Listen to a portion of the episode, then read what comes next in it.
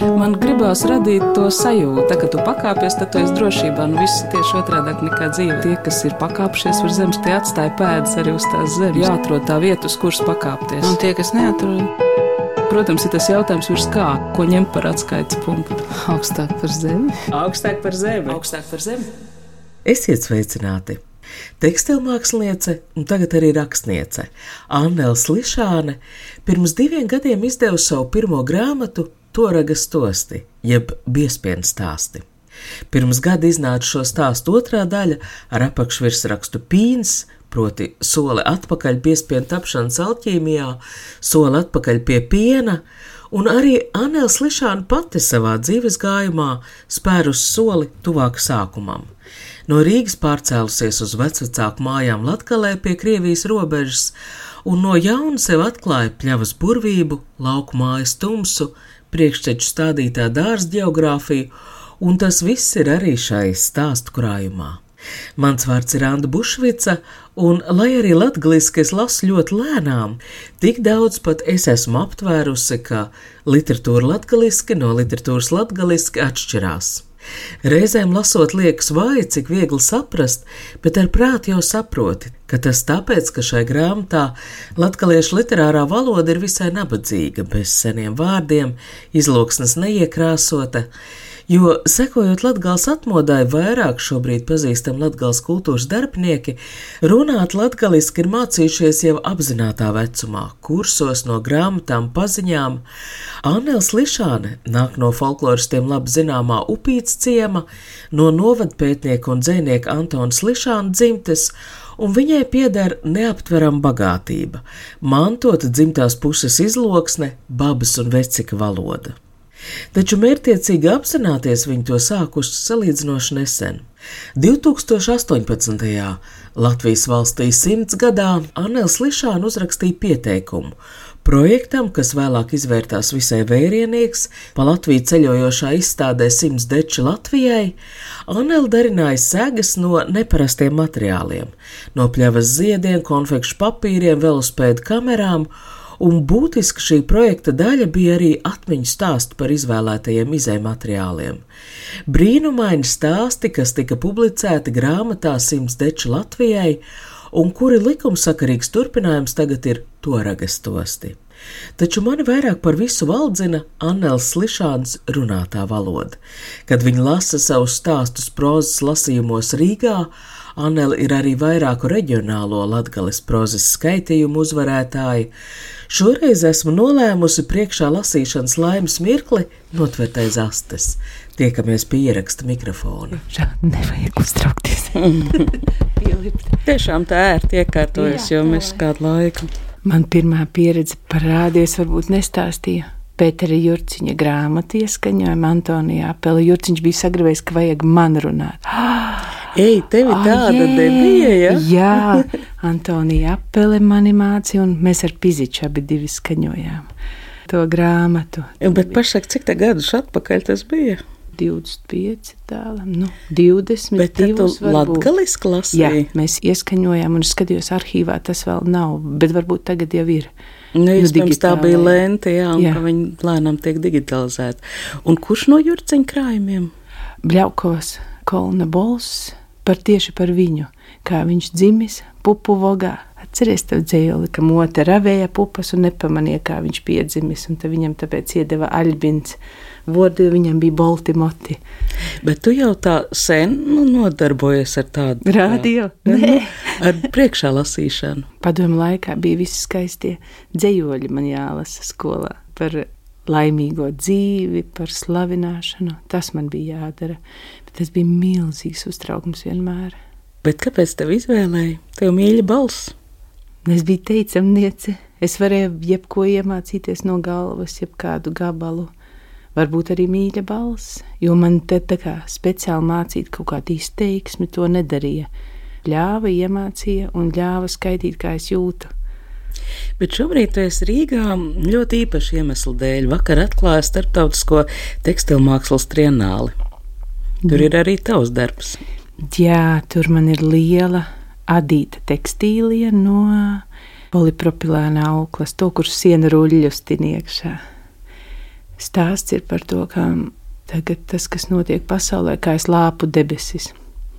Jā, jau trienāls Jā. nosaukums ir kūvadis, kurp mēs ejam, un es nosmējos, ka tu pataisi no debesīs. Arī un lāpu šuju tos caurumus, kas ir uzspridzināti, sarauti, sašvīkāti. Es ņemu un ar adatām sadurtām rokām, tur man tāds dzējolis latviešu valodā arī klāt pie tā apraksta par to, kā es lāpu tās debesis. Noteikti vajag iet skatīt, tiešām ļoti labi darbi tur. Anēls Slišāns darbs šobrīd ir skatāms 7. starptautiskajā Rīgas tekstilmākslas un šķiedras mākslas trienālē, izstādē Mākslas muzejā Rīgas birža. Trienāls otrā izstādē, dekoratīvās mākslas un dizaina muzejā, ir arī Anēlas māsas Lienītas Lišāns tekstu adījumi, adījumi un teksti. Pasaka, kādas ir attiecības tavā daļradē starp vārdu un to vizuālo, nu, tekstilu mākslu tātad? Jo šajā tavā grāmatā toraga stāsti, gan pīns, gan iepriekšējā izdevumā, paralēli iet tas stāsts un tavu tekstilu darbu tādi pietuvināti fototēli? Es jau uzskatu, ka tā ir vistiešākā. Aužot, es domāju tekstus, un arī rakstot, es salieku viņus kā rakstus. Un tad arī tā vārdu sakritība rakstīt, rakstus rakstīt, rakstus izaust vistiešākā. Tas tā kā skaidro viens otru. Aust tikai vizuālā dēļ, tas tā kā man ir pamaza es aužu stāstus. Tad vai nu izdomāju pirms, vai arī aužot tas stāsts top. Citreiz tiek pierakstīts, citreiz ne. Tā viņš arī iejaužās, un tas skatītājs nolasa, nenolasa, nolasa savu stāstu. Tik labs materiāls, kā daļu no mīlestības, vai dusmām, vai naida, vai bēdām, vai sērām, tu vari ielikt tajā tekstilu darbā. Te es varu noslēgt ar šo, par ikdienas gaitas, tā kā sapītas kopā ar aušanu cepu blēņus, beržu netīrus kraklus uz eķes, lauku uztabu, pļaunu zādorklu, nūslauku bērniem pūrduļus, aprota aužu gobelenu. Sen grīķu kanonu nīdres skotā, zaļīs, sūnu zaļīs, zoļas zaļīs, sazaļī kortom, viņas augšā, viņas apakšā, vīna korta pēc kortas, viņa kortnie. Nūslauku bērniem pūrduļus, padzīdu izsaļēju blēņus skaurūdā malnā. Skaurodā? Ah, panna. Jā, panna. Nu. Blakus tauta paņēmuši no latgaļiem vārdus. Mm. Bet viņš tik latgalisks, skaurūda, toraks, tik, tik seni līkos tie vārdi. Vispār ideja par šo sarunu jau mums piedzima tā, ka es nesapratu vienu vārdu sinces, un es tev ātri aizrakstīju messengerī, lai tu man iztulko, un tu iztulkoji to ar tik skaistu stāstu, uzburot veselu pasauli. Nu, sinces tiešām ir tāda istaba, vieta, telpa, kas savieno divas ustabas. Dzīvo, piemēram, divi brāļi, katram astoņi bērni, un katrs savā ustabā, un tad sinces ir vidū. Tas ir kā gaitenis, koridors, notiek kustība, tad viņi caur savu istabu staigā ārā uz pagalmu, uz zādorklu, uz otru pusi ir ganka ar lieliem logiem. Un tad sinces ir tāda kā savienotā istaba, un man tajā manās mājās sinces arī pilna ar visādām mantām. Televizora antenām, ar mucām, tādas, ka tās lietas tur sinces bija pilnas ar stāstiem.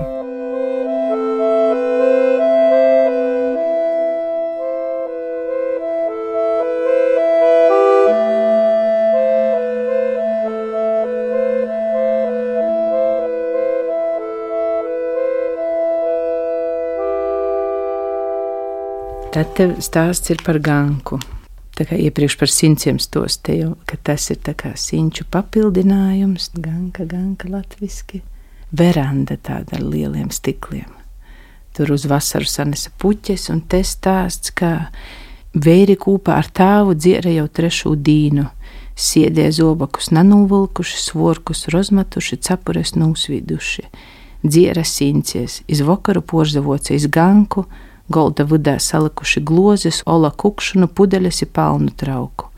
Vēri peipēja, pūzdami boltus dūmus, viens otru porklīgdami runava skaļi jēju vieros, ko mote danese iest, nulaka izgolda buļbusi, toragu bļūdā, škeivi ar zelta maļa neapgostu studeni, izsagrīstu maizi uz otra škeiva.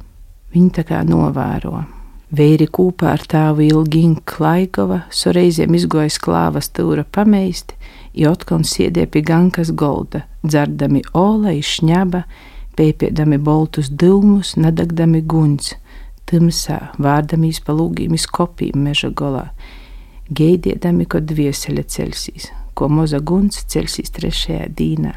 Tas arī tāds stāsts, ka pēc bērēm trešajā dienā ceļās dvēsele, un to var redzēt. Un tas ir tāds, arī tāds atmiņā man no bērnības stāsts, ka ka to var redzēt. Un te arī par to, kā maza meitene redz, kā tētis un vīri, un tas skaļums un pīpes un tās kliekšanas ar putām te lūpu galos, un viņi gaida to brīnumu. Brīnumu un arī daļu no dzīves. Un tad viņai paliek arī ļoti, ļoti bail pat skatīties uz um, to kapu pusi, Un te tumsā stosts, ka viņa gana cūkas maziņā, un viņai pat bail pa dienu skatīties uz to pusi. Viņa tās cūkas dzēn pilnīgi prom, lai neskatītos uz tiem kapiem. Kā tur ir, ka vecstāvs ir aprakts un kāds notiek, jo neviens jau neizskaidro. Tas ir fakts nomira, un nevienam, manuprāt, tajā laikā nav laiks izskaidrot mazam bērnam, kā mēs to darām tagad jebko, ko viņš paprasa, mēs izskaidrojam daudz, gari un plaši, lai ir atbilde uzreiz, tad, kad to prasa. Literatūra latgaliski bieži vien ir ar skatu pagātnē, taču Anēls Slišāns gan tekstildarbos, gan rakstītajā kādā ļoti pareizā veidā savienojas mantojums, tradīcija ar mūsdienīgo. Toragas stostos viņi iemiesojas tajā, kā tēvs ar vīriem dzer bēres, kā mamma apdara mājas darbus, un vienlaikus tā ir arī viņas pašas dzīve. Tā ir augsne, kurā izaug bērns, apzinās sevi kā maza meitene, kļūst par jaunu sievieti, tad jau par ģimenes māti, kurai tagad pašai jāsatur kopā sava ģimene, sava māja. Nesen atjaunot uzsāktā māja, Zeļķu solā, jeb zeļķu ciemā. Kur pie tevis jābrauc ciemos? Tu tur esi diezgan tālu, kaut kur pie Krievijas robežas. Jā, apmēram pa taisno, nu, puskilometrs no Krievijas robežas. Balvu novads, pati, pati, pati maliņa. Zeļķu sola. Bet tu biji rīdzniece? Biju, jā, biju mm, diezgan ilgu laiku, vairāk kā 20 gadus. Jā uz Rīgu nācu studēt fiziku, jo Rīga jau ir ļoti skaista pilsēta un tik daudz iespēju un izstādes, ka atbrauc, tad skrien un ķer un grāb un mācies un iegūst un lej sevi visu to, kas ir apkārt. Un kāpēc atgriezies? Tas ir sapnis, tas ir liels sapnis jau no bērnības, ka mēs gājam pie babas vecika uz zeļķīm. Nu, tur ir tāda bērna prātā pasaku vieta. To es daudziem stāstu, ka tur tiešām man likās, ka tur dzīvo vēlns, un ka tur ir vistumšāks naktīs, ka tur ir eh, visdziļākā aka, kurā tiešām var iekrist un aiziet uz citu pasauli. Es realizēju savu sapni, atgriežoties. Kāda bija tā vieta, kad tu atgriezies? Nu, neko daudz nebija mainījusies ar visiem vēlniem un dziļajām akām tā drusku tā kā iemigusi. Tad viņi tā kā saskurinājās. Tā, tā kā iztaisnoja muguru māja, kura jau guļbaļķos ieaugusi iekšā, un es viņai palīdzu ceļu augšā no māla, jaunus jumtus, baltus. Viņa bija tā, tā kā iemigusi uz vairākiem gadiem, gaidīja. Ar to, kā tu cēl māju, sākās šis tavs krājumiņš piens. Jā. Un te pirmais stāsts ir par to, ka jāatgriežas pie savām saknēm, bet viss jau ir izjaukts. Un kad tu sāc un meklē, es tad nolasīšu, ka tu meklē un atrodi. Vecī kormi sastumti kaudziem, uzskūpās sazajauts, pamatu akmeņi, babas puķes, baļķi saplēsuši lūgi, lupatas ir dieļi, vecī zobaki, nustabas augšas ir šipara gobali pori palicis vasals kolns. Treis dīnos ar kopuķiednīku sastumta dauzula vida, zeme aplieka rozdzēta, rozplāsta, usa mola dubļūs, ūši, kuri te auguši, ko nazoles aizlausti ir rozmeidāti. Jau kuru dīnu es te meklēju, te raušos, rozplāstama pirstus dašņa. meklēju savus pamata akmeņus, nesu iz muguras ir līku teiruma vuda, līku kolna golā savai sātai vītu, savai saimēji sokumu, katrā stūrī lilijas akmens, pa vidu salīku mozokus, kurš būs zem lūga, kurī zem durau. Samaļu dzirnavas ūlu čaumalas, sajaucu kaļķi, mozoju cīč šķierbas. Upes krostā salasu dolomitus, lepēju ar molu klotu. Sen atrastu dzintaru jūras krostā līku zem krinča. Aiz korstu lēmi izriņķi lepēju rozplāstos māmas kreļas, aiz koču nūrodes izēmes. Kas ir krinčs? Slieksnis. Un kormi? Kormi ir tā kā visas mājas. Gan kūts, klēti, šķūņi un māja. Ziemeļlatgalē ir dvors, bet arī domājot par visu to, to ko sātu ka dvors ir uzska, gan klāvs, gan eh, kliets šķūņi, un tīm, tīm saimniecības mājām ir kormi nosaukums. Vicamē teiktu sēta, taču šis vārds tik precīzi neiemieso to ideju, ka sēta ir viens veselums, kā kosmos, kā piena ceļš, kormi. Laikam ir jāsāk ar to, kā tapa pirmie toraga stāsti, un laikam arī ir jāizstāsta, kas ir torags.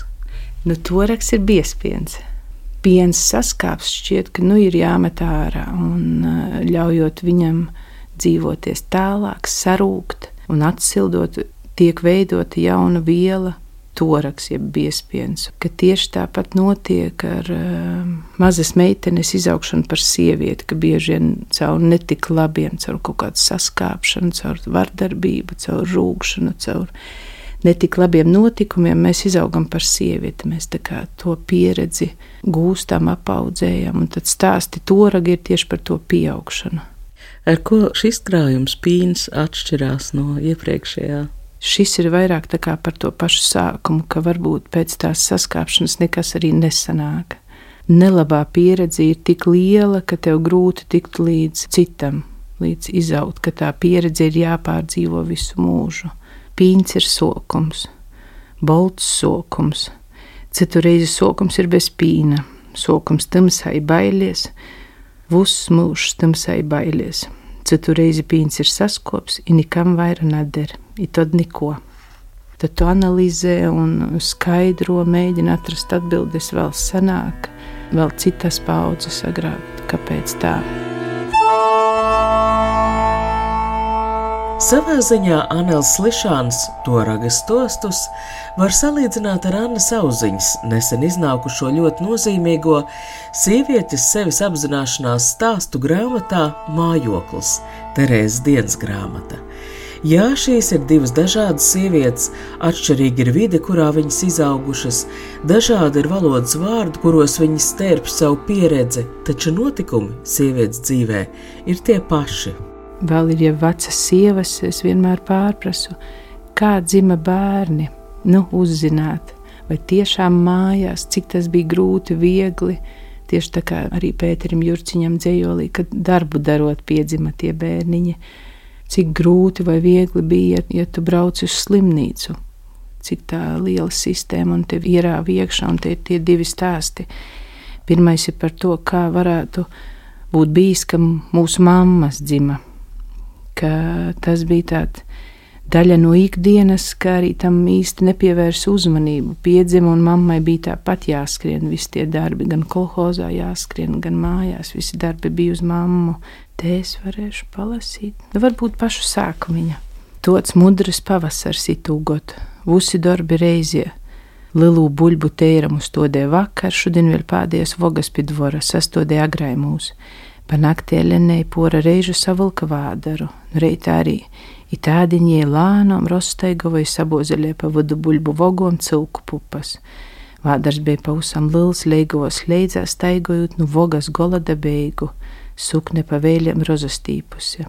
Kad pupas tarbinie izabeidza, Elenei atkal savilka vādaru un nesko pausam osi. Ah, napaspiešu sasiet runkuļi ogūču, to ienūdumo īdūt iz ustabu. Broņs ar zirgu vogava cīt vogas rozamets vīnā kraklā. Pēpēja pēpī sirdējus iz dāla, ka na to vodoja zirgu. Da toš vari vest taišni pa vogu, nu, naskrīnei mīrīgi. Vari ātrok paiet nazaveļts. Silts pavasars itūgot, vusa kula sāta pīnenies, izsadāzīt obeļnīcas. Aizgojusi tad dvorēlene šķīvnie salauzēja žogaru kliepa, aizkīvre kuknie plitu, izlika sildiet tora gululējā kotlā maisūtai kūka lošku. Maisē izriņķa, vārdamos malnējus, nulkvāpušajos baļķūs. Muzejā kotlā aizvorē ūdeņa, dasvīda multu sauves, soļa drusku, daļie pīna krušku, sakīla ar lošku, būs dālīm putrakū pastrept. Tūraks jau bija gatavs. Izviedra izsēja lupatu, paceļa lukotlu lieja nūst. Vādarus savalkosas sope, Elena atsaspīdē pret plitas molu un uzkrija korsts gar kojom. Viedrie tecēja toragas sulas, dasie lupatu sev apukšā, toragu dasie pie viedra.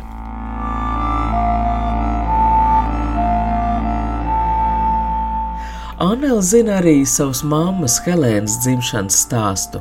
Māma un viņas māsa bijušas dvīnes, viena meita atskrējusi zirga vilktos ratos, otra jau slimnīcā. Anela mammai ir pirmais bērns, un savu piedzimšanas stāstu viņa sev darinājusi ir pati. Itei Dīna par uh, piedzimšanas brīdi padomu laikā. Es rakstīju par to, kā mēs dzimām, kā es dzimu, par to sistēmu, ka tevi iemet, jūtas emocijas, vai brīnums bija pazudis, ienākot tajā mājā. Tevus raudava, vienmēr viņš īsoka pirmīs, es raudovu ilgāk. Saucu tevi māmu, zinu, ka tu biji tepat naskurais sīnas. Ik pa laikam man ir ostena, izlītniezam krāna nūmozgo, raudovu tik ilgi, cīkam pīkususi aizmugu. I tot pēc laika dzelža tačkā aizveda da tevi māmu, Raudonu prīces, zeidu cičē aizreidama vierūs tev acies uzsotkon bija labi. Tu nezinu īsti, ko mani turiet, neko nerunāja ar mani, te bija citi cilvēki. Tāds gabaliņš saraudināju sevi. Ne? Tas ir ļoti emocionāls. Bet, kad tu rakstīji to arī? Jā, to es raudāju ilgi un dikti daudzreiz un laboju, un tad es jūtu, ka no tā var iztīt, izaust lielu, lielu, garu, garu stāstu, bet man gribēs salikt viņu, lai viņš tāds koncentrēts. Tāds, nu, ka mēs tās sāpes neizkaisam. Bet kāpēc tev ir šī vajadzība atzīties tajās sajūtās? Domāju, ja jau ļauts piedzīvot vai likts piedzīvot, tam ir kaut kāda vērtība, laba vai slikta, un tāpēc atceroties, es varbūt viņas aizmirstu. Bet tu izjūti to, ka runājot par to sievietes dzīvi, sievietes būšanu, ir ļoti daudz tēmas, par kurām nav pieņemts runāt. Tie vispār pieņemtie viedokļi, viņi kaut kādā veidā cenzē atmiņas un jūtas. Jā, un, un, un sieviete noslēpj no citiem, bet, eh, manuprāt, dzīvo ar visu mūžu ar to traumu. Ja tā ir tiešām tās dzemdības, ir bijusi ļoti liela trauma, gan viņas pašas piedzimšana, un pēc tam dzemdējot bērniņus, jo tā trauma tad nāk ārā. Tas ir tas brīdis, kad tu nevari vairs aizmirst, tad nāk ārā. Un tad neviens neuzklausa, nevienam neinteresē. Un tad tu atkal aizveries un dzīvo ar to savu sāpju. Viņa Viņa traucē neapzināti. Viņa kā, iekapsulēt, bet viņa smird un lien ārā un traucē. Un tad es domāju, ka šī gan rakstot, gan lasot, šī ir nu, laba iespēja izsāpēt un izlaist viņu ārā, atcerēties un aizmirst, jo tikai aizmirst nav iespējams, es domāju. Par to, kā mēs iepazīstam cilvēkus nejauši satiekam, tāda laika nogriezienī, lielā nogriezienī mums veidojas tā kā. Bet ne attiecības, bet tāds tā kā kopīgi, ko mēs piedzīvojam tikai ar to cilvēku. Pirmā amatnieku tirgus, kad uz tos cilvēkus satiec tikai tur, vai trienāli tekstilmākslas, un pārējā dzīvē viņi nav. Un es mēģināju rakstīt arī par tādām satikšanām, cik viņi nozīmīgas, tādas nejaušas, garām ejošas vērtīgas. Šodien Lobadīna, pēc mēneša, Pavisam priecīga satieku tevi, man mugurā tavs malnīs bīzīs vams. Tu stosti par dvieseli katrā cilvēkai pasaules brīnumiem, stosti par prīcu, prosu, lai aizvadi mani pie savas frizeres.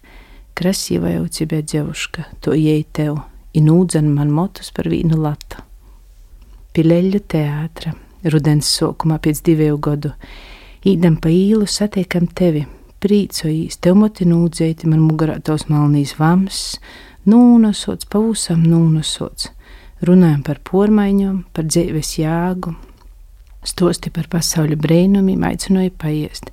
Ādam krosēnu iedīna rosom garšvīlām, īdam pa ceļu otrajā stāvā dāls ropaizam goldēja krāslu. Visi priecīgi, ka meklē dīva. Te var atrast, pagrabā nopirku sarkanu zēļu auskarus, ai rūkā aiztiekam un uz zilumu zem acis neko neprasi. No kurienes tev tā valoda, no kā tev viņa mantot? Ģimenē mamma un tētis. Viņi runāja tikai latgaliski ar mums. Visiem, jā, baba, vecāks, visi apkārtējie veikalā, visur runā latviešu tāds. Jo tu esi no ļoti īpašas ģimenes. Jā. Antons Slišans ir tavs tēvs, izcils novadpētnieks, arī dzinieks, rakstnieks. Teicis, tiešām ir ļoti daudz. To viņš bija uzstādījis par savu dzīves mērķi. Savākt pēc iespējas vairāk, apkopot, jo viņš saprata, ka tas viss pazūda. Es saprotu, ka Jā. tur ir arī vēstures konteksts, ka šīs mājas atrodas Krievijas pierobežā, un tur ir pierobežas josla. Mm -hmm. Un cilvēki tika dzīti ārā no šīm mājām, kas atradās noteiktā attālumā no robežas, lai tur varētu saimniekot robežsargi. Un tika sadzīti tādos uh, ciematiņos. Man šķiet, ka upīte ir viens no tādiem, nu, vienmēr iedomājos, ka tā ir kāda sena, sens ciems, bet tur ir daudz dzīvokļu mājas pārsvarā. Jā, nu viņus dzina arī vienkārši meliorācija dzināra no mājām. Kolhoziem vajadzēja lielus skaistus laukus bez viensētām, bez atmiņas. Tad ar traktoriem tavu māju sastuma kalnā. Un lika piemaksāja cēlas mukas mājas ar vannu un baltu podu? Sadzina tā kā nu, vietā bez atmiņas, vietā, kur ir purvaina vieta, kur nebija ciema vietas, radot jaunu cilvēku paudzi. Un tavs tēvs bija tas, kas tam turējās pretīm, sakot, nē, mūsu sievas, tas, ko viņas prot mm -hmm. dziedāt, tā, tā ir vērtība. Jā, un sāka viņš ar mammu. Anne Slišāne, tēta mamma, ka viņš saprata, cik daudz viņa zina dziesmas, gan garīgās baznīcā, gan laicīgās, gan folkloru. Un tad viņi kopā baznīcā rakstīja ar Jākubu tāvu, ierakstīja, kā viņas dzied, jo tā bija tiešām laba skaņu studija un varēja noslēpties. Ierakstīja magnetofonu lentā. Skaistā!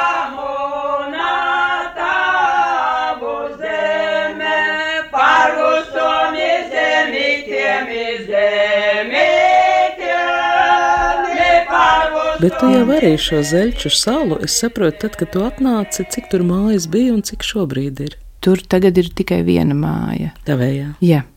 Nu, senos laikos tur bija ap 30, tur bija skolas, nu, upītas skolas sākums, tur ir bijis zeļķos, un vecāks tos te, ka viņš gāja skolā, bija ap simts bērniem.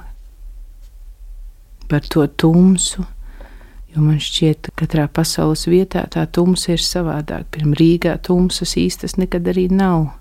Un tad tur latgalē viņi ir tik, tik tumša, tik melna un tiešām, un tu esi par to aprakstu, ka kā tums atgoja, palika istabas stūrūs, melna ir lipīga, un, un viņa paliek lielāka un vilkdamos uz vidu, tumsa dzīvoja aiz motes stovu, komulu skaļini, ja bija ieliedusi babas skrēnie, kuknes aizkarusies, tā pilnīgi tā.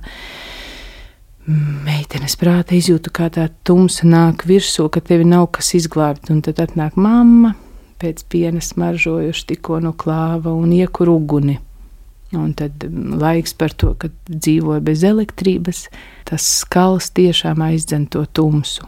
Vai tu tagad tumsu atklāji no jauna, jo tur zelčos paliec visu gadu? Jā, tagad reizēm es viņu sev tāds sargājošs, tā kā tāds kupols, kā aizskars, ka mēs esam vieni paši uz pasaules, ka nekā cita vairs nav, ka ir tā zeļķu solamana.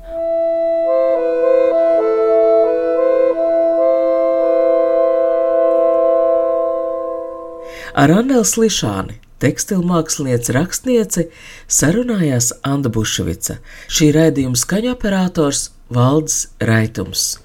Rēdījuma tapšanā izmantots Pētera Vasks skaņdarbs Balta ainava Martina Levicka atskaņojumā.